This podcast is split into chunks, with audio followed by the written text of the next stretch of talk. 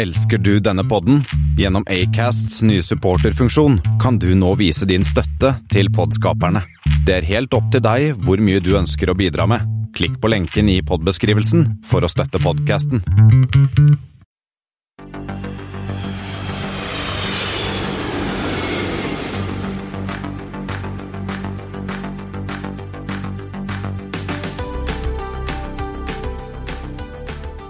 Hei og velkommen til Flight 59, som i dag har fått tittelen Flight of the Jumbolino. Og dette er noe som du har gledet deg lenge til, Thomas. Oh yes, eh, det er det absolutt. Det som vi skal snakke om i dag, er jo et av eh, mine favorittfly. Og um, vi kan jo holde Noen tar det kanskje med tittelen, men vi kan holde det på pinnebenken litt til. Det er vel Onde tunge har vel sagt det er det eneste flyet som har fem APU-er. Og i tillegg da til nevnte Thomas Lone har vi også med oss Espen Næss. Hallo, hallo. Og meg, Christian Kamhaug. Det har blitt 10. april, og det er snart påskeferie. Ute og fly, gutter? Nei, påsken er fjellet for meg. Kan, og du kan, du kan ikke fly daglig eller noe? Jo, Fagernes, men det går lite fly fra derfra nå. Ja, det blir fjellet på meg òg. Jeg er jo ikke akkurat nå snøen så fjellets mann, men uh, når man en gang har hytte på fjellet, så blir man kalt inn og er nødt til å bruke den. Og jeg skal for en gangs skyld ikke på, på fjellet i påsken. Eh, takk, kjære elskede kone. Eh, men i år blir det altså Danmarkstur. Skal vi fly lavt med Color, Air, Color Line eh, ned til Danmark. Color Air, det, er la- det, det er veldig lavt. Ja, Yes, nei, men siden det nærmer seg påske, så kan vi jo i tillegg til denne standard-flighten vi, flightene vi ser på, kan vi jo snakke bitte litt om Påskeøya. Det er jo en eh, morsom eh, flyplass. Er det noen av dere som har vært der? Nei. Nei. Eh, Det, den heter jo uh, Mataveri International Airport, uh, Påskeøya. Den eh, har holdt det gående siden 1967, og det er jo en av de mest uh, avsidesliggende flyplassene i hele verden. Jeg trodde du skulle si en av de mest trafikkerte, Thomas, for det er ljug. Det er ljug, uh, fordi det er to flighter om dagen. Så sånn i hovedsak, da, som kommer fra Chile, fra Santiago, og så går det vel noe mm, Går det vel en eller annen sånn tagger videre til til eh, PT, tror ja, ja. Så det er ikke akkurat eh, Det renner ikke akkurat over passasjerer, da. Og, ikke, og Latam har ikke sånn kjempekonkurranse heller. Nei, de, de flyr alene der, så de kan jo ta litt de prisene de selv måtte ønske for at folk skal komme seg eh, til Påskeøya.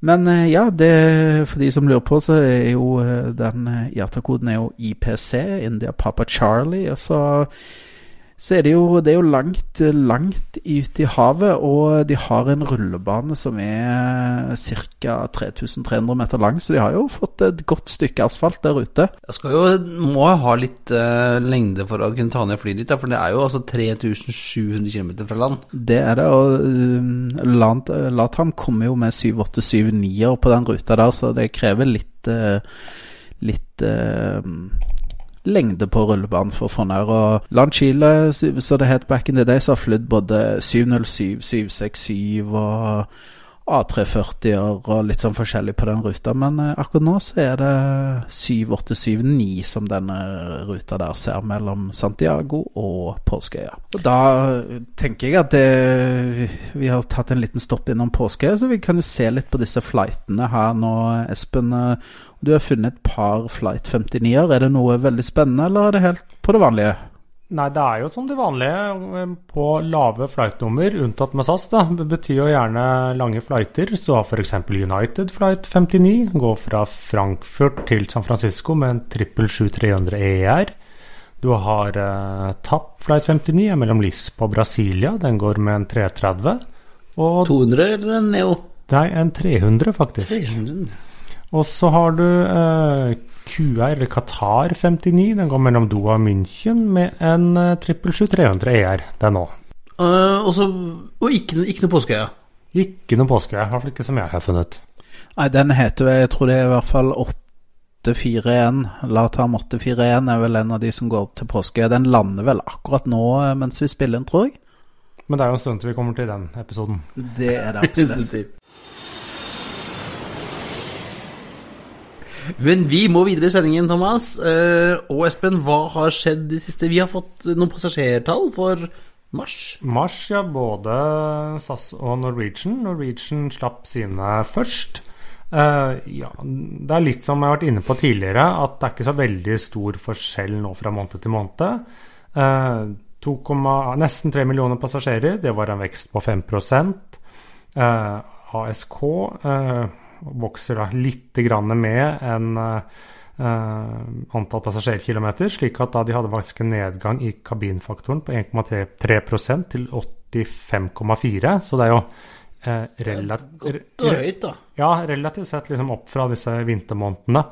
Men samtidig så faller da yield, og rask faller med en sånn henholdsvis 4 og 6 Og nå må vi vel si at uh, både SAS-tallene og Norwegian-tallene på, på hver sin måte egentlig har jo bærer preg av at mars i fjor var påsken. Ja, for da, Det glemmer jo journalistene som Ja. skriver dette hvert eneste år. ja, det gjør det. Og så har de SAS og Norwegian har gjerne litt motsatt effekt. Ja, nemlig. Slik at uh, Norwegian sine marstall er egentlig litt bedre enn du ser ut til, for for dem er påske normalt en positiv, uh, har en positiv effekt. Uh, så for å se, men man må liksom som sagt se eh, i februar og april under ett, spesielt her i Norge og Norden. Men eh, skal de ha eh, skryt for én ting, er at regular, regulariteten den endte på 97,4, ned ett prosentpoeng. Så man kan tenke på det var ikke så bra, men dette er jo inkludert 19 parkerte maksflighter, og ikke så da det er ikke, det er ikke gærent, ja, det altså. er ikke gærent, og samtidig så er punktligheten kraftig opp med hele 8,5 prosentpoeng til eh, nesten 81 Jeg syns dette er liksom De har eh, hatt en god kål på trafikken. Men bare for å skyte inn der, for gjerne ikke alle som er like bevandret i terminologien. Hva er forskjellen på regulariteten og punktligheten, Espen? Regulariteten er jo måler om fly går eller ikke, så det er jo antall kanselleringer som slår ut der. Mens eh, regular, nei, unnskyld, punktligheten er jo om det går til tid eller ikke. Yes, da fikk vi den på det tørre. Norwegian utsetter jo litt leveranser av fly òg, Espen? Ja, det kom en melding i dag, er at de utsetter leveransen av både A320 Neo og A321 LR. Eh, De sa egentlig ikke så mye hvor mange fly og fra når, men de kommer da i hvert fall til å måtte ut med en, ja, rundt 5 milliarder kroner mindre i 2019 og 2020 enn tidligere forespeilet. Eh, Jeg kan jo skjønne med den A321 LR-en, for de hadde jo tenkt å bruke selv. Mens disse 320 Neoene de har jeg jo følt at de omtrent har solgt løpende i det siste, som de har tatt levering. Ja, og så er det nå, da, når ingen får noen uh, skyttersky makser, så Ja, for jeg, ja, jeg er klar over de ønsker å spare uh, investeringer og Capex, men eh, jeg trodde jo, eller mitt inntrykk har jo vært at uh, omtrent mens når de har fått et av de flyene, eller før de har fått flyene også, så har de tatt levering og solgt det til, med en gevinst. Så jeg, det kan være et eller annet bak her jeg ikke helt forstår, men eh, Kan det være at Airbus ble litt sint da, vet du, med dette eh, asiatiske finansieringsselskapet og litt sånn forskjellig, jeg vet ikke. Det, de var jo ute og rasla litt med Saben i forhold til disse A320-ene. Nei, jeg vet ikke, for de, de har jo gjort en avtale med Airbus her, så de er jo tydeligvis med på det. Men eh, ja, jeg vet ikke. Ja, også på inntektssiden så er jo Gilen ned 4% til 33 øre. Og det Man skulle jo tro at med påsken i mars i fjor og påsken i april i år, så burde jo ilden egentlig være litt bedre enn i fjor. Ja, jeg vet ikke, men får i hvert fall håpe passasjerene har eh, kjøpt mye øl og peanøtter om bord, og bagasje. For det, det, det, altså det er jo en, en interessant eh, eh, altså Fremdeles så går jo yielden til Norwegian ned, mens yielden til SAS går opp måned for måned. Ja, det har i hvert fall vært sånn det siste, og vi kan jo da hoppe over til SAS. De, som sagt, de annonserte også sine tall i mars, er også litt sånn påskeforurenset. Eh, For normalt da, så slår jo påsken negativt ut for SAS, slik at de tallene de nå presenterte, de er egentlig ikke fullt så gode uh, som de var. De eh, rapporterte om ca. 2,5 millioner passasjerer. Det var en økning på 3,3% når man tar med charter. Eh, mens de hadde også en lavere fyllingsgrad. Eh, de er helt nede i 70,4% så det falt jo da med 2,8 prosentpoeng. Det Det henger jo sammen med at eh, påsken var mye ferie fritid, og nå er det jo ikke det, og det er fremdeles fullt uh, trøkk på businessen. Ja, det er også kombinert med at de har jo faset inn en rekke Airbus A320 i år som, som har tatt, øker ja, som har tatt over for mindre fly, så det har en effekt.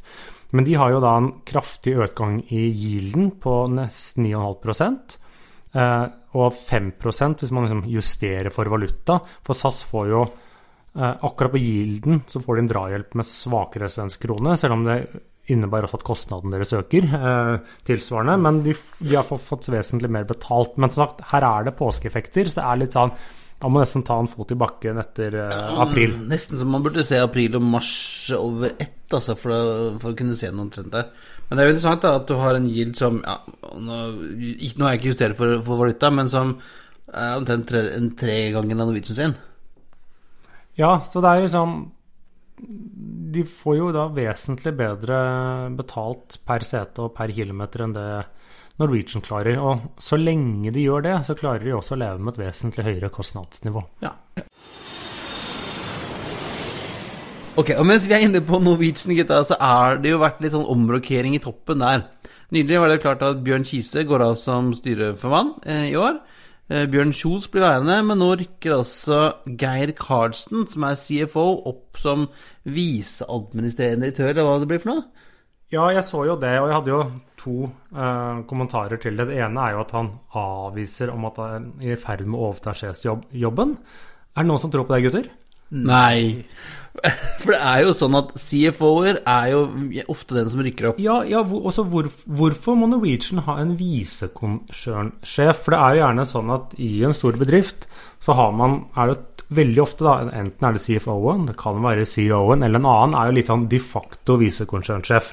Uh, I SAS er det også sånn, hvis ikke jeg husker feil, så er det jo CFO-en der som er sånn nummer to etter uh, Ja, du har jo en litt sånn rangordning, så hvorfor han måtte utnevnes til det spesifikt, den forstår ikke helt jeg, med mindre man liksom skal prøve å ja, hva skal jeg si, forberede Ikke forberede han, for han tror jeg er mer enn nok kapa kapabel til det, men kanskje forberede markedet. markedet. Og aksjekursen gikk jo litt ned. Ja, men det var et par andre, tror jeg. Ja, det kan årsaker til det. det men, men, det var jo som at det har jo For det har vært en del snakk om liksom eh, Hvem skal overta etter, etter, Bjørn? Bjørn er 72. 70 mange. 70 mange år. Eh, og det har vært sånn Nå med det nye styret som kommer inn, og den nye eierkonstellasjonen, så har det vært snakk om at kanskje han skulle gi seg, jeg vet ikke. Ja, det, han Karlsen er jo en god Han har jo godt med erfaring, da. Han, han har ikke så lang erfaring fra Norwegian. Han har bare vært i Norwegian sånn rundt regna et år. Men han har jo vært i flere andre børsnoterte selskaper, mest innen shipping offshore, da. Men har vært i dette Golden Ocean Group, som er Jon Fredriksen kontrollert. Han har vært i Songa offshore. og og han eh, kom da til Norwegian i april i fjor, så han har jo ikke vært så lenge i, i uh, Norwegian, men Der åpnet Espen champagnen for det. Ja. men, han har, uh, men han har jo tydeligvis da kanskje gjort sakene sine godt og tatt, tatt sånn Ikke hele steget opp til, til direktørstolen, men tar et sånn mellomsteg. Ja, og det er jo sånn at CFO-ene sitter jo på ekstremt mye, mye kunnskap og makt, egentlig, i bedriften. Du hører vel denne CFO, gjør ikke det, Espen? Eh, jo da, så det er jo liksom Man er jo da ofte prinsippet Kall det si nummer to, og man i hvert fall sitter og passer pengestrømmen, og det er jo det som kanskje er det viktigste i en del bedrifter. Eller Norwegian, si Eller Norwegian har pengestrømmen ut. Så det ja, men eh, det er jo ja, eh, Det kan hende at det er liksom et, et, et eh, sign of the times. Ja, nei, men det blir spennende å se hva som da skjer. Ja, jeg tipper det skjer noe rett over sommerferien, ja, her. Men noen som kanskje forhåpentligvis skal skje noe med etter sommerferien, det er jo maks. For de flyr jo ikke noe. Nei, det gjør de absolutt ikke. Og uh, nå har det jo vært uh, litt sånn software-oppdateringer og snakk om at det skal innfase Altså at flyene skal være good to go med en oppgradering av software. Og vi etterlyste jo det sist her. Uh, hvordan i helsike oppdaterer man softwaren på et fly? Er det som Tesla at det skjer over the air? Er det noen snakket om disketter eller CD-rommer eller minnepinner? Men eh, det var ikke så veldig spennende, egentlig. Det var ganske logisk. Ja da, og, men vi er jo, må si at vi er veldig glad at vi har da lyttere som vet vesentlig mer enn oss, og da har gitt oss en eh, grei forklaring hvordan det fungerer, Thomas. Ja, eh, som sagt så er det noen eh, kontorfolk, eh, noen som sitter inne på et kontor, som laster ned en software. Går kanskje på downloads.boeing.com, skråstrek 737 maks 8. Så den over WeTransfer, tenker jeg. Ja, ja, for eksempel. De legger det inn på en USB-pinne, og så blir det gitt til da flymekanikerne. Og eh, jeg har jo sittet mye i klappsettet, men jeg vet faktisk ikke Har du ikke sett USB-åpningen? Nei, for det, det går da rykter om at det finnes da en eh, USB-slott eller åpning i flyet som eh, man kobler seg inn i. Men det gjelder da de, ja, de 800-ene, mens da på maksen så er det Da er det ganske likt prosess, men da bruker man eh, en laptop som man kobler sammen med flyet med en eternett, altså en nettverkskabel, rett og slett. Og sånn som de sa, altså dette er jo en, en prosedyre som skjer egentlig ganske ofte. For hver gang man får nye navigasjonsdata, så må det oppdateres. Ca. en gang i måneden blir det jo gitt ut sånne bulletins med nye navigasjonspunkter som de kanskje har flytta litt på, eller kanskje Avinor har hørt på noen som har klagd på for mye støy over et eller annet tettbebygd område ved Gardermoen, så må de oppdatere disse navigasjonene litt, og da, da, da gjøres det ca. en gang i måneden. Ja, så det er, jo, det er jo ikke dette som holder maksen på bakken. Det er jo kall det si alt det andre. Man, men det som er litt spennende nå, er at man fortsatt ikke vet hvor lenge det skal stå. Boeing og et par andre er optimister, mens et par andre, en del analytikere og litt sånn, og sier at det her eh, kommer til å ta tid. Og nå fikk vi jo nå vite denne uken at Boeing reduserer faktisk 737-produksjonen fra 52 til 42 fly i måneden fra og med midten av april. Ja, for de får vel egentlig ikke siste sluttbetaling før den er overlevert heller. Så de kan jo Det blir jo mye penger som står og, henger, står, som står og venter på en flyplass i, i, sør. Ja, ja. Nei, Boeing får jo ikke noe Boeing får ikke noe penger nå, for de kan jo ikke levere noe fly. Og jeg har jo sett nå, vi var jo inne på det sist gang, det fylles jo opp stadig opp med fly på forskjellige lagringsplasser som Boeing har. Det er jo ikke første gang det var noen som delte noen bilder på Facebook her for litt siden med noen flashback til da det sto en haug med Dreamliner uten motorer rundt omkring. Ja da, og De kom seg jo ikke av gårde heller, da. Nei, de kom seg ikke av gårde heller. Men det er jo Boeing hadde jo for noen år siden store problemer med Dreamliner, ikke pga. motorer, men de ble jo kraftig forsinket og produsert. Og da sto det ganske mange Dreamlinere på fabrikken til, på Everett. Og der har de nå eh, fergefløyet disse 737-ene opp, som liksom fylles opp de samme parkeringsplassene. Det er mye hva det heter, sitting capital. Det er mye kapital som bare står og er uvirksom. Men, ja, da, da, men da har vi jo egentlig også fått svar på at idet man har på en måte en patch ute og går som er kall det godkjent av FAA og alle disse her offentlige myndigheter og instanser, så kan man jo da ganske kjapt få oppdatert flyene. altså tenker Norwegian sine 18 fly, hvis du sender to eller tre team rundt med laptoper og eternettkabler og, og laster ned de riktige filene fra download.boeing.com, så klarer man det jo egentlig på en arbeidsdag. Hvis man sender tre team rundt med laptoper. Ja, og en, og en jet. Og en jet, ja. ja for det, de, det blir litt sånn de, de, Alle står jo ikke samla, så det er jo klart man må jo Det blir litt logistikk å shippe disse mekanikerne rundt omkring, da. Men det som kommer nok til å ta tid, er jo sertifiseringen av denne oppdateringen. For det er jo ikke alle Det er nok en del det kommer nok til å gå noen ekstra runder på det, tror jeg. Og ikke bare kommer de til å stole på heller på amerikanerne. Så det Nei, jeg tror nok denne runden her så blir det ikke bare Boeing sign off på at det er greit, og så er det greit. Det går vel litt uh, lengre tid. Men eh, vi kan hoppe til noe annet som har tatt litt tid. Eh, men nå endelig er åpnet.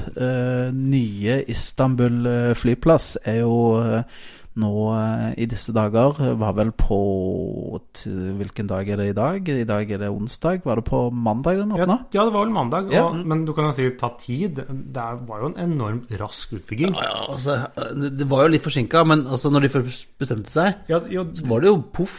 Ja? Og, ja, det ene var poff, de flytta, men eh, de brukte jo relativt kort tid på å bygge denne fra scratch. Sammenligner du med noen andre flyplasser? Bel, Bel, Berlin? Ja, Berlin, ja, eksempel. Og så forsinkelse. Ja, det ble en Var det en tre-fire måneder? Men det er egentlig ingenting når det kommer til en flyplass.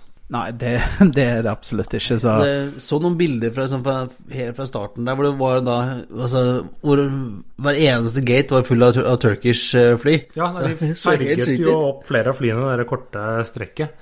Eh, men det har jo gått, slik jeg har lest rundt omkring, dette har gått overraskende bra for å åpne en flyplass. Man husker jo Gardermoen og mye kaos det var. Man har eksempler fra var det både Hongkong og Denver når de nye flyplassene åpna, hvor det ble da total kaos. Og selv ja, når nye terminal 5 på Heathrow åpnet. Det var ingenting som fungerte, så her har de jo faktisk gjort en overraskende bra jobb. Det har de, og det er jo en, en, en imponerende flyplass de har bygd hvis man ser på størrelsene. Det er jo den, den, Det ligger jo inne i holdt jeg på å si, masterplanen at de skal håndtere opptil 200 200 millioner årlige passasjerer. Ja, Det er mye folk.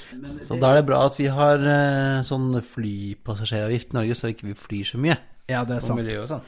Men det skal man jo si eh, at mm, Tur Turkish Airlines har jo redusert på Oslo. Så det kan jo være en av grunnene, fordi at eh, man vet jo det at Ankara er jo lenger borte fra Oslo enn 2500 km i timen. Så De har jo fått økt avgift, de. de har det.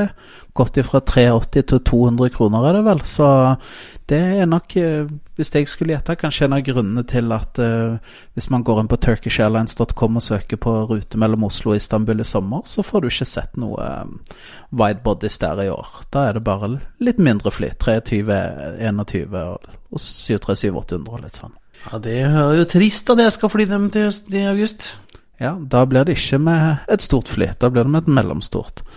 Men eh, hvis vi ser litt på Istanbul, da, så er det jo som jeg sa en, en vanvittig stor og flott flyplass. Den er jo, den er jo holdt på å si, Du har ett hovedbygg, og så har du fem fingre som går utover ut fra, fra terminalen. Og det er jo eh, der er det jo Turkish Airlines har vel eh, to eller tre av disse her, og så er en av disse fingrene avsatt til innenrikstrafikk. Så det blir jo litt sånn eh, Jeg tenker litt Bangkok med en gang, for dette der også har du jo en sånn hovedstruktur, og så har du noen som stikker ut sånn på hver side av flyplassen, og så er en av de fingrene til, dedikert til innenrikstrafikk. Ja, men jeg håper bare de ikke har kopiert for mye fra Bangkok, for jeg syns det er en skikkelig møkkaflyplass.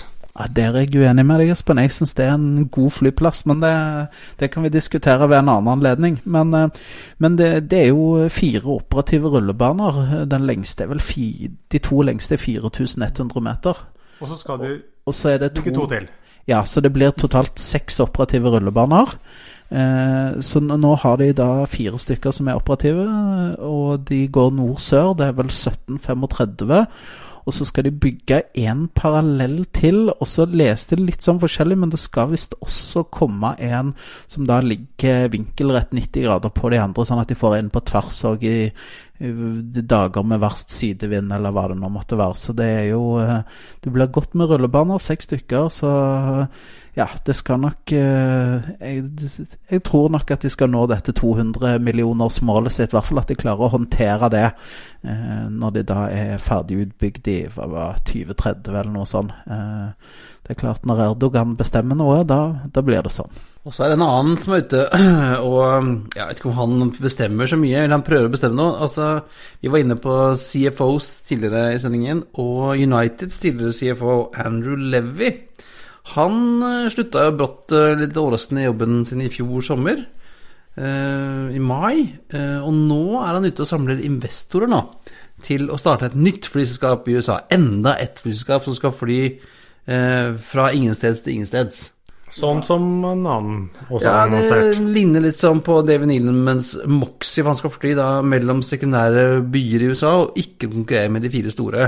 Og så sier han da To make a better product and experience, but still offer really low prices. Er ikke det alle sier at de skal gjøre? Jo, det er Make det. flying great again. Men han har i hvert fall et fly. Han har ja, han har ett fly, stemmer det. For han eh, i var det august så kjøpte han, og noen andre tenker jeg også, dette selskapet Extra Airways.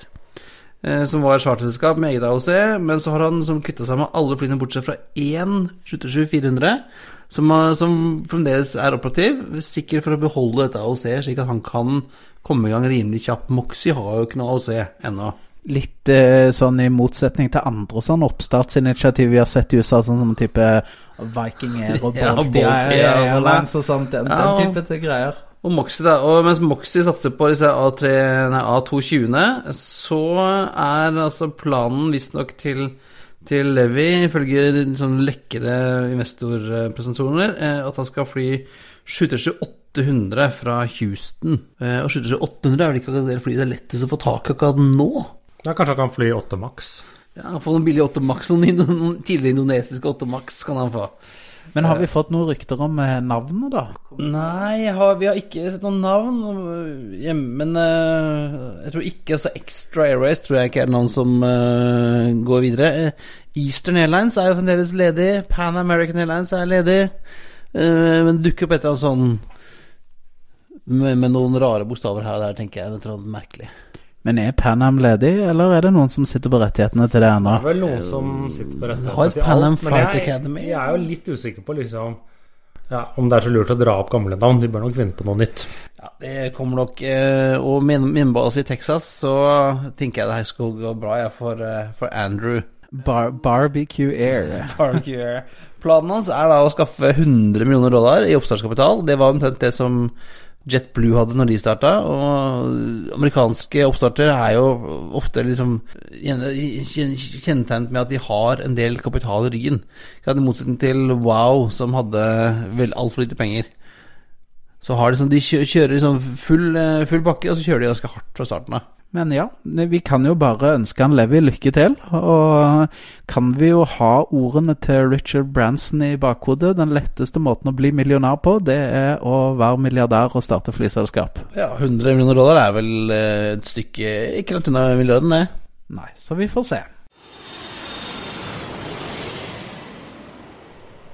Men da kan vi jo hoppe videre til si, litt hjemlige trakter, for vi har jo lovet etter request fra en lytter å liksom følge litt hvordan går det med SAS sine A350-maskiner.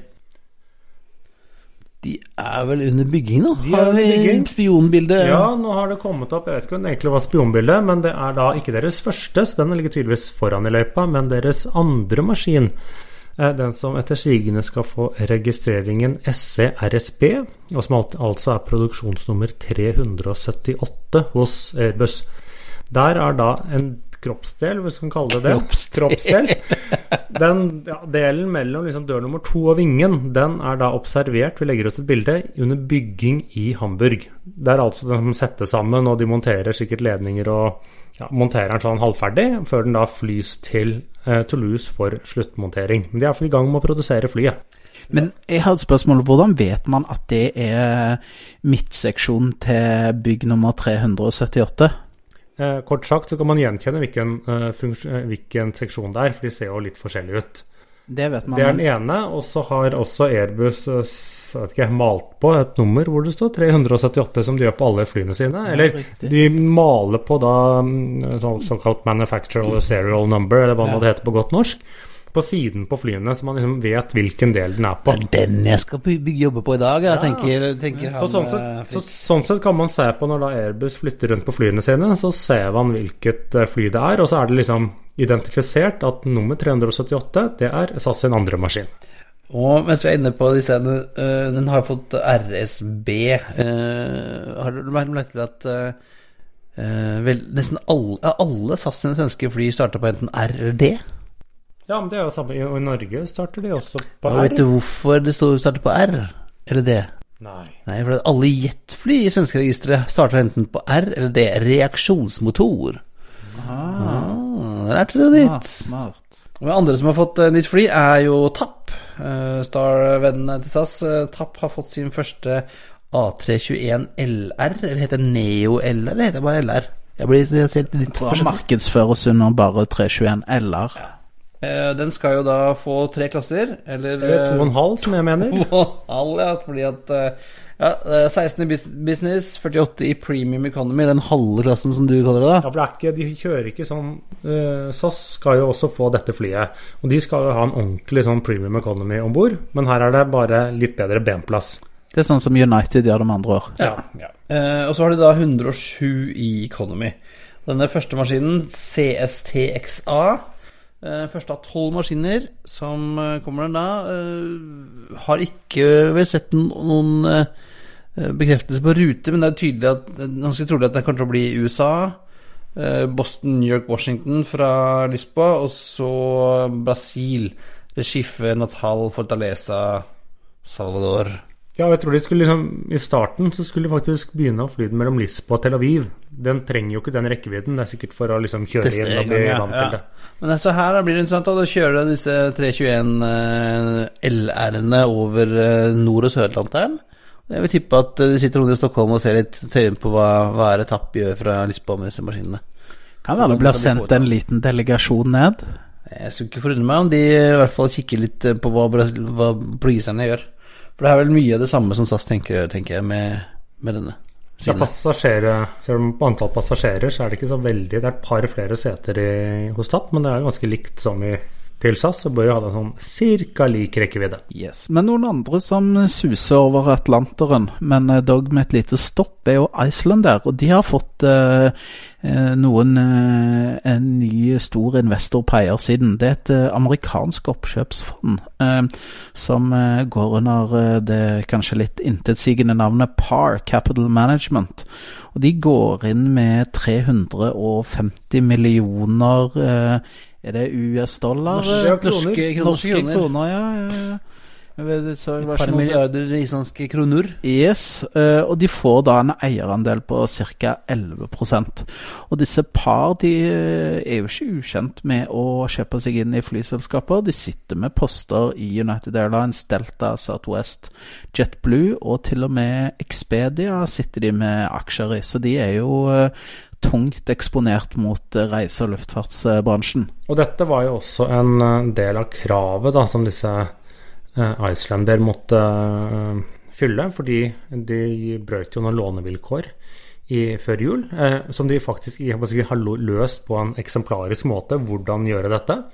Men da var altså et av kravene at da måtte de få inn litt mer penger, og de fikk da liksom eh, godkjenning til å eh, trykke inntil var det 11 eller 12 eh, flere aksjer, og det er det de nå har gjort.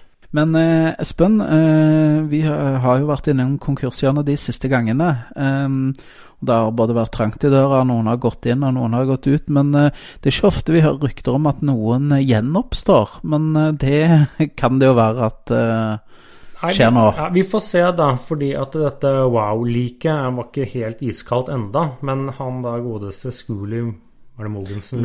Skuli Mogensen, ja. Ja, eh, han er nå ute og snakket om at han har lyst til å starte Wow på nytt, eller starte opp på nytt. Ja, det var skikkelig smart. tenker jeg. Og der vil jeg putte pengene mine. Nei, eh, jeg, der kommer jeg definitivt ikke til å putte pengene mine. Men den var liksom morsom. Han sier han skal starte med var det en fire 321 Neo-maskiner og én A320 Neo. eh, Og trenger en 40 millioner dollar.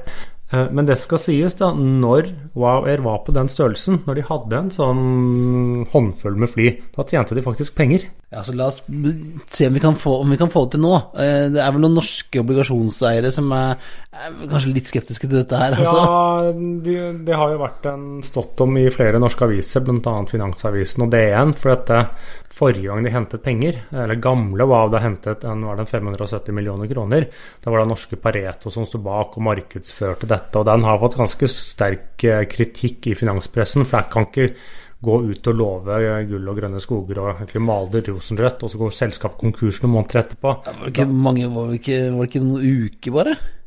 Nei, det var, ja, det var litt mer, men det var liksom sånn, det var, de, de burde ha visst hvilken vei det gikk. Ja, det her liksom, de har liksom solgt disse obligasjonene under falsk flagg, og investorene har tapt da 85% av det de spyttet inn.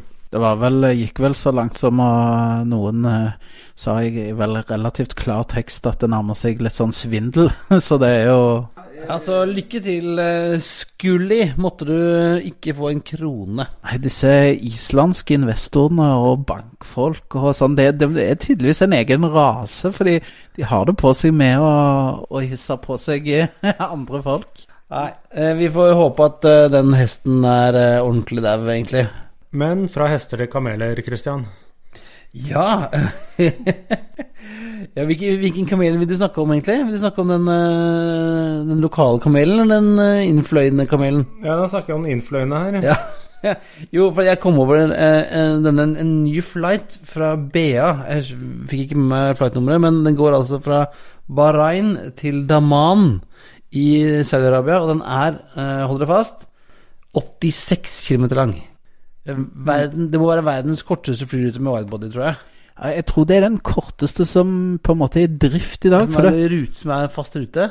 ja, fordi at eh, tidligere så har det jo vært eh, faktisk widebody-flighter mellom Kinshasa og Brazzaville. Og det er jo bare rett over elva. Ja, øh, og det morsomme var Hvorfor det begynte med å fly her Tidligere så hadde de jo denne ruta her fløyet i gåsehudene med limousin.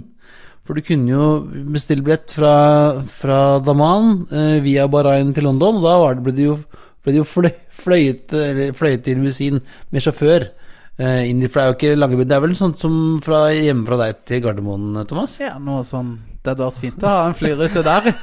Og det, men det, er- og det er jo som sagt at, at det er kort, de rekker jo ikke å servere noe, men det spiller jo ikke noen rolle. For dette er jo en såkalt dry flight. Det er ikke så veldig mye sprudlevann øh, over til den lille korte og over til Saudi-Arabia. De får vel ikke lov til å servere Nei, alkohol? de får ikke lov, så det Nei, og det er jo, det er jo en, et par sånn noen eh, litt sånn eh, rare ruter som går med widebodies. da, Vi trenger ikke ta alle, men du har jo eh, BA og Qatar flyr jo faktisk mellom Doha og Bahrain. Og det er jo eh, ja, en ca. 25 minutters flytid. Eh, Singapore, Kuala Lumpur, det er jo ikke så veldig langt heller. Det er vel en knapp halvtime, der er det jo tjukt med widebodies. Så ja, så det er jo litt sånn eh, forskjellige ruter som, som går med widebody, som er ganske korte, sånn type Bergen-Stavanger-aktig. Men det er jo ikke Det er jo litt kjedelig. Den her Visstnok ikke Fifth Freedoms, du kan jo ikke booke deg mellom uh, Bahrain og Daman. Du må også fly hele veien fra London for å få lov til å fly denne superkorte flighten med 777, eller ikke? Det- Jo, jeg tror det. Jo. Jeg vet i hvert fall at eh, Jeg vet ikke om BA har det nå lenger, men de hadde vel en mellom eh, Var det Doha og Muscat i Oman? Som var Fifth Freedom-rute. Så der kunne man fly eh, BA nede i Gulfen der. Så de har litt sånn taggen-ruter nedi der. Noen med Fifth Freedom og noen uten det. Så det er jo litt uh, spennende. Og den lokale eh, kamelen vi snakket om, Espen, det er jo- er Air Arabia, som jeg tror er uttalt riktig, som har fått nytt design. Eh, Air Arabia, eller Air Arabia, hva det vi ønsker å kalle det, er jo som den eneste store eh, arabiske eh, low-cost-carrieren. Ja, for er det Marokko og i Sharia? Ja, noe sånt noe. Ja. Eh, de er litt sånn, litt sånn Eurasia med flere baser og del sånn opplegg rundt omkring. De har bestemt seg for at dot, eh, å ha .com på flyet, det er litt 90-talls. Litt passé. Litt passé. Litt sånn sier Nå har de tatt bort Før så sto det som airarabia.com.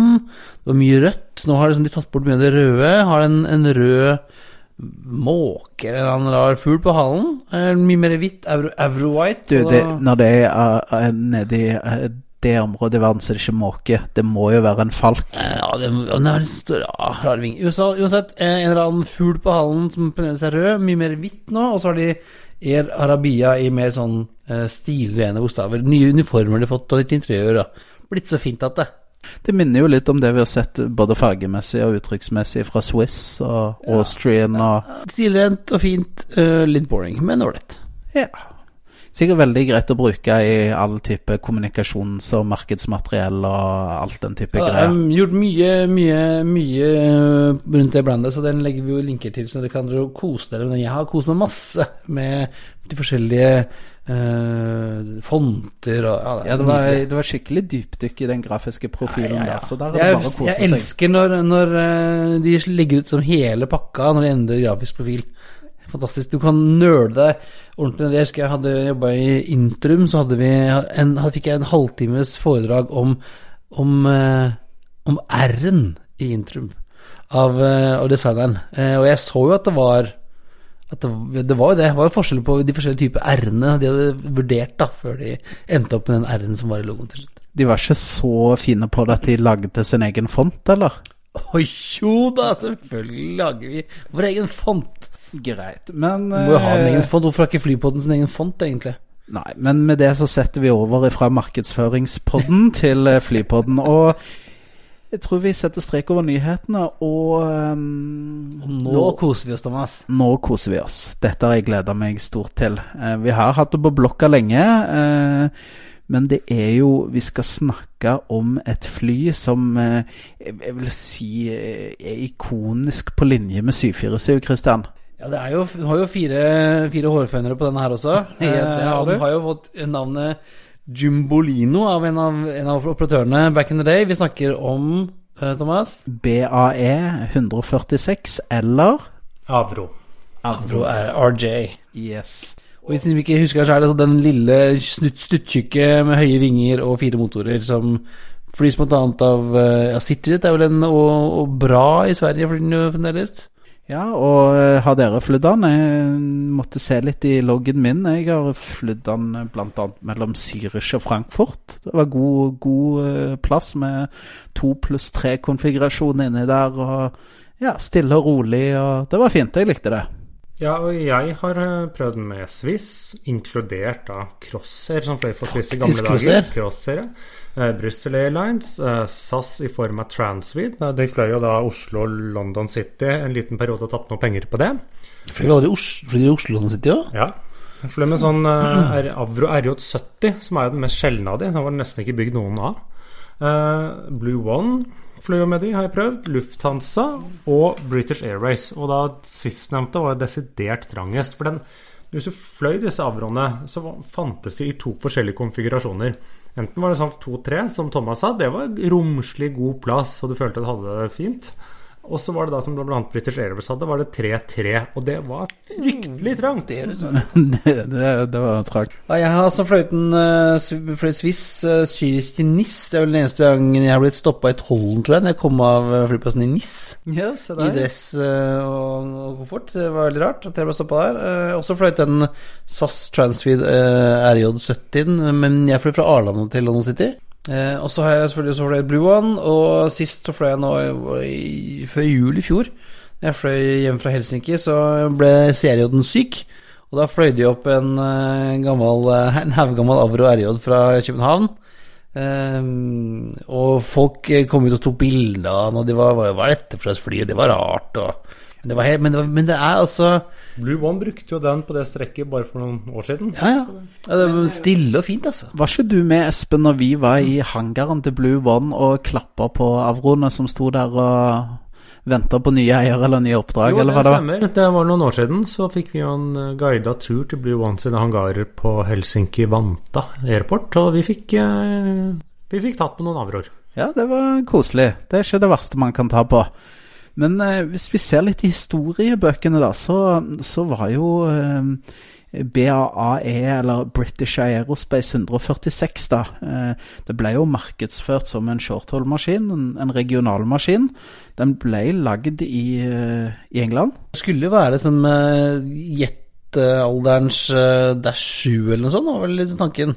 Ja, det var shortfield eh, performance, altså at du, du, du skulle, det skulle vært robust eh, fly. Ja, men og samtidig var det liksom en av de tidligere variantene av regional jet, da. Ja, og det som også er litt morsomt når jeg tenker på litt sånn robust at det skulle være en skikkelig working horse, så er det jo faktisk en av de få maskinene i, i tillegg til 737-200 som du faktisk får sånn gravel kit på, så kan lande på litt mer sånn eh, brokete rullebaner. Ja, også det som var vel unikt med den, var vel at det var den første passasjermaskinen eller jet, med jetmotorer som også kunne da trafikkere London City. Den var jo nesten tilpasset for det. For den er stille og uh, kan ta og lande på ganske korte rullebaner. Klare Anne også ikke minst uh, lande bratt. For den, det som har at for å spare vekt og for å uh, spare vedlikehold, så har ikke den thrust reverses på motorene. Den har den derre Ja, clamshell-greiene den på har en halen, sånn ja. clamshell på halen som liksom foldes ut. Og det, det eneste jeg liksom merker veldig når du har fløyten, er at når du går inn for landing med den, så de fleste fly mer eller mindre seiler. Kanskje de peker nedover en liten stund. Men jeg føler virkelig når du lander med en Avro, og spesielt da på London City, så føler jeg at du liksom Sånn carrier-landing. Ja, den stuper ned. Du liksom blir ikke pressa bakover i setet, men du må liksom rette deg ryggen for ikke falle forover. At den liksom går skikkelig nose down. Det er litt mer sånn artig. Og det, var, det, og det som er litt morsomt òg med den der som de feller ut bak, den kan jo faktisk brukes in flight også. Ja, ja, det er da den brukes ja. for å liksom bremse, for da kan du liksom stupe ned, men samtidig så bremser du eh, effektivt. Ja. Og det, det var vel en av det Det var vel det som var hovedgrunnen til den maskinen som gikk over terskelen eh, på rullebanen i Stord. I Stord, ja. Ja, i, var det vel i 2004-2005-ish, eller noe sånt. Rundt, rundt, Ja. Eh, Det var jo det at den, eh, den hadde såpass god bremseeffekt på bakken at eh, ja, når den ikke ble slått ut, så, så gikk det som det måtte gå. Da enda maskinen dessverre ned i steinrøysa. Så det, det, er jo en veldig sånn unik maskin på mange måter, da, både med denne kalle finnen eller uh, spoileren, eller ja, kalle hva man vil, som har fallet bak, og, og motorene selvfølgelig, uh, dette her. Så, så innpå så er, kan den jo lande og, og, ta opp på litt sånn røffe rullebaner. Så den har blitt kjøpt av en del sånne selskaper med litt behov for å, liksom spesielle behov, da, sånn som ja Atlantic Airways på Færøyene før de fikk ordna forhold på flyplassen der. Druk Air i Bhutan har jo en av verdens Altså flyplassen der har jo en av verdens vanskeligste innflyvninger. Den kunne jo bare flys av BAE 146 ganske lenge. På Bromma så var det også lenge kun dette Det var det eneste jetflyet som kunne fly inn dit. Helt til nå har vi fått lov til å fly Sukhoi og sånn òg. Ja, det flyr Airbus 319 nå. Ja. Det, men det, og det var jo at sånn hvis du ser på produksjonstallene, da, så ble det produsert 367 fly. Det er jo ikke enormt mange, men det var jo en OK suksess på hva skal jeg si, 80- og 90-tallet. Det var ikke helt håpløs uh, salgstall. Nei, ja, produksjons... Uh, holdt jeg på å si, spennet var var jo da nesten 20 år. Den starta i 1983, og han gikk faktisk helt til 2002. Og av disse så ble da 367 fly produsert, hvor 173 var såkalte Avro. For det, dette er jo litt Det er ikke så veldig ja, er, mange Er Avroen en ny type, eller er det den samme? Det er en slags Neo, med et par andre ting. Men det var jo litt sånn Det er ikke så veldig mange flytyper som har byttet navn uten grunn, men det har disse. ja, er, ja, fordi de, de BAE, British Aerospace som bygde de, de fant vel ut at de skulle rebrande til Avro, som var et av disse gamle eh, merkenavnene de hadde igjen fra back in the day. Ja, som jeg egentlig trodde produserte bombefly, men nok om det. Eh, de produserte sikkert eh, fly òg, for det var jo Det finnes jo en drøss med sånne gamle britiske flyprodusentnavn. Som alle har blitt en del av British Airspace. Ja, på en eller annen måte, for det var jo også Var det når de begynte å lage dette, så, så var det Hawker Sidley, ja, Hawker Sidley som, som liksom komme opp med et eller annet forslag. Så liksom, de har hatt mange, men det er en De fikk da nye motorer når de byttet til Avro. Og så står det litt sånn som jeg prøvde å uh, søke meg fram til. Det er ikke så lett å se forskjell på disse modellene. Uh, og så liksom fikk Avro-navnet fordi at det ble bygget på den gamle Avro-fabrikken.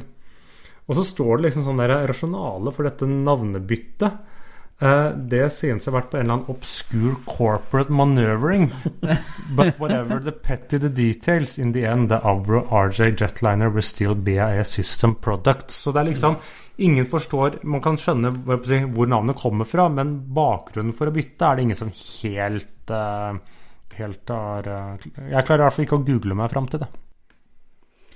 Så hvis det sitter noen borti filten eller hvor de holder på, og som vet dette, send oss gjerne en mail på hallo.flypodden.no. Men du likte godt én av disse variantene, Thomas? Ja, eh, altså markedsføring Jeg er jo ingen markedsføringsmann, men jeg, jeg, ser god markedsføring. Eh, jeg kjenner god markedsføring når jeg ser den. Og det var klart det at eh, disse her eh, British Aerospace, de når de starta med å um, skulle markedsføre denne nye maskinen, da, så hadde de jo BAE 14600, som var på en måte den, eh, den første maskinen. Ja, den, det, det, kan du si. Um, men så tenkte de at uh, vi må jo ha en sånn VIP-maskin, da. sant? Svar på Boeing Business Jet, f.eks. Altså, man må ha på en måte en egen modell som man selger i VIP-konfigurasjon. Og da, da lanserte de altså da BAE 146 Statesman. Oh, det er jo hakket mer eh, sexy enn uh, Jumbolino, da. For å si det sånn, da, hvis jeg hadde vært statsleder, da hadde jeg flydd en maskin som et Statesman, for å si det sånn. Ja, for blant annet Storbritannia har vel et par sånne fly? Ja. Her, Her Majesty the Queen flyr jo sånne. Yes. Hun, eller er det bare han evigvarende kronprinsen? ja, det vet jeg ikke, men, men uh, den uh, delen av uh, Royal Air Force da, som heter The Queen's Flight Jeg vet ikke om det er Division eller Regiment eller hva det heter sånn formelt. De har jo tre av disse i stallen sin.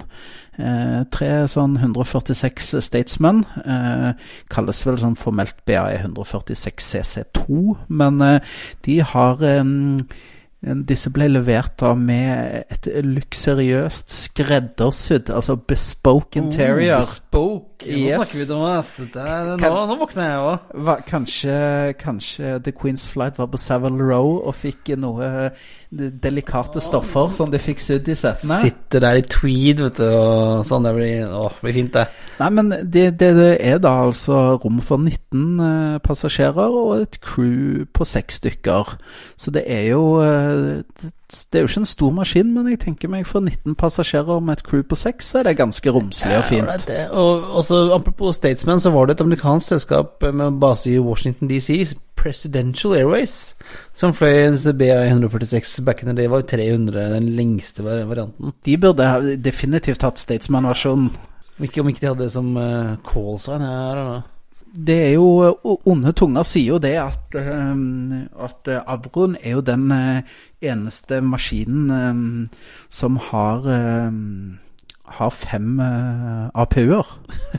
Er det så små jetmotorer, er det det du sier? Ja, ja, fordi at uh, Nå har jeg ikke sjekka validiteten i dette, det burde jeg selvfølgelig ha gjort. Men uh, fordi en APU er jo noe som produserer strøm f.eks. på bakken, som står bak i flyet og durer en liten, liten motor som går på jetfuel og produserer strøm. Men det, det sånn som jeg har, har blitt fortalt, så er jo faktisk APU-en i 747-jumbojeten, altså den storebroren, det er samme type motor som Jumbolinoen har fire av. Er det sant? Eh, ja, det er i hvert fall det jeg har blitt fortalt. Så, så det er jo klart, den eh, Avroen har jo da en APU selv og fire APU-er på vingene. Så det er jo litt, eh, en litt morsom historie. Men det, det er jo sånn at Hvor mange var det bygd, Espen? 360 et eller annet av disse maskinene? Ja, Og så er det jo 100 cirka fremdeles i drift rundt omkring. Det blir jo også Litt fordi at noen flyplasser må, kan liksom ikke ha en veldig mye andre fly. Er jo perfekte, var, var lenge som perfekte på London City og fremdeles på Bromma. Og så har de blitt bygd om En del av de har jo blitt bygd opp til sånne brannslukningsfly. Det er ganske, fett. Ja, det har vel litt med at de har en god man, eh, altså eh, bra manøvrere, fire motorer, mye trust eh, og sånn. Så, så det har vært et godt fly for å brukes som brannslukningsfly, faktisk. Så prøvde jo Airspace her på en sånn eh, En revitalisering av Avro-linja med denne Avro RJX. Ja, de, de prøvde jo liksom en, en tredje variant, da, eller en ny, ny Neo. Og den var jo litt eh, Jeg på å si litt unikt hva skal jeg si, tragisk, er at de har tre, lagde tre prototyper, og de begynte så vidt å testfly de. De kom faktisk i lufta før de avslutta programmet etter de liksom hadde kommet så langt i produksjonen. Det er mye penger brukt på ingenting. Men det, Som, som vel ofte de gjorde i britisk uh, Ja, de har, ja, de har gjort mye rart, men det, den her var vel en uh, Den her var vel også et offer for 9-11, for disse ble Ja, vel, lagt ned like, like ja. etterpå. Og det står i hvert fall én står jo i Manchester, på den der Airparken. yes, der står en sånn RIX 100, står, uh, står der på display. individ Golf India Romeo Juliet X-ray. Men det er, jo, det er jo en maskin som tiden begynner å løpe ifra, da. Det er jo eh, Selv om man har litt sånn spesielle finesser som gjør den unik, med at den kan lande med Bruke gravel kit, og du kan lande på grusrullebaner og litt sånn, så så, så begynner det jo tiden å gå litt ifra. Men, men, men vi ser jo da på 737-200, som, som det er over 50 eksemplarer av som går i regulær trafikk i Canada. Så, så jeg, jeg tror egentlig, så lenge denne blir vedlikeholdt og, og det, de, de, de finner bruk for det, så, og ikke har noe fullgodt alternativ, så tror jeg disse kommer til å leve en god stund til. For det som vi var inne på tidligere, det er en veldig sånn nisjemodell, men, men det, det er ikke så mange andre som tar den nisjen. Ja, så har du fire motorer. Det koster litt eh, penger, men det er jo rimelig trygt, da, vil jeg si. Eh, og så kan Nå har jeg jo gjort litt research, i og med at jeg jobber jo i elektronikkbransjen. eh, Så ser jeg at eh, det kan jo faktisk hende at ganske mange av lytterne våre har en Jumbolino hjemme, som fortsatt er i drift. Å? Jo, at OBH Nordica, eh, disse, dette produsenten av ganske billige hjemmeelektronikk Sånn type vakuumpakkemaskin og juicer og Ja, jeg tror jeg har en eh, Jeg tror jeg har en støvs... eh, Ikke en, jeg tror jeg har en sånn derre Brødrister. brødrister eller noe fra OBH Nordica. De eh, produserte altså for en stund siden en støvsuger som heter Jumbolino. Eh, produseres ikke lenger, men uh, jeg tror vi selger i hvert fall støvsugerposene som passer til Jimbolino. Herlig. Jeg lurer på om, uh, om markedsføringsavdelingen hos OBH Nordica har en flyentusiast. Kanskje? Vi har jo noen andre modeller som heter Air Force og sånn. Det henger jo sammen med at det blåser i luft og har en liten APU i rumpa, den her også. Eh, hvis du har en eh, Jumbolino hjemme, eh, ta gjerne bilde av den, send den til hallo.flypodden.no. Men Espen, du eh, har eh, ønske å stå for ukens anbefaling. Ja, da er det jeg som har funnet fram noe, eller YouTube som har funnet fram noe. Det er da en, nok en film fra disse Wendover Production. Vi har vel kanskje så vidt vært inne på Har vel nevnt den før, ja? Eh, De har jo masse sånne filmer på YouTube om alt fra ubåter og hvordan ting eh, fungerer, men også veldig mye innen luftfart. Og det de nå har kommet med, er da en film som heter How Does Airlines Decide Where to Fly?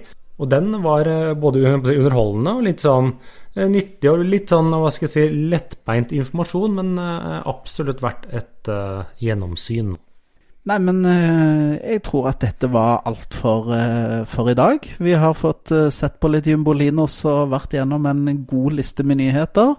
Vi kom ikke ut vi har, har vi blitt litt bedagelige, Christian? Vi skal, fordi vi har påskeferie til uka, tenkte du på? Yes. Altså, men vi sparer jo flight 60 til etter påske, tenker jeg. Ja, det tenker jeg òg. Og jeg er på et sted der faktisk det er edge-dekning, eh, hvis man er heldig. Så, så det hadde blitt litt dårlige greier. Men eh, da tar vi påskeferie med dette og sier at eh, da Flight 59 går inn for landing Det er på tide å feste sikkerhetsbeltene, rette opp setet og sikre fri sikt ut av vinduet. Eh, som vanlig finner du linker til det vi har snakket om i dag på flypodden.no. Du finner oss også på Facebook, du finner oss på Twitter og Instagram. Har du et spørsmål, ønsker du å invitere oss på flytur, sponse oss, gi oss ris, ros, kommentarer til noe av det vi har snakket om i dag, så er du hjertelig Dele velkommen, bilde av Jumbolinoen din. så er du hjertelig velkommen til å sende det Jumbolino-bildet ditt til hallo, alfakrøllflypodden.no. På gjenhør om to uker. We thank you for flying with us today. We truly appreciate your business and look forward to serving you on a future flight.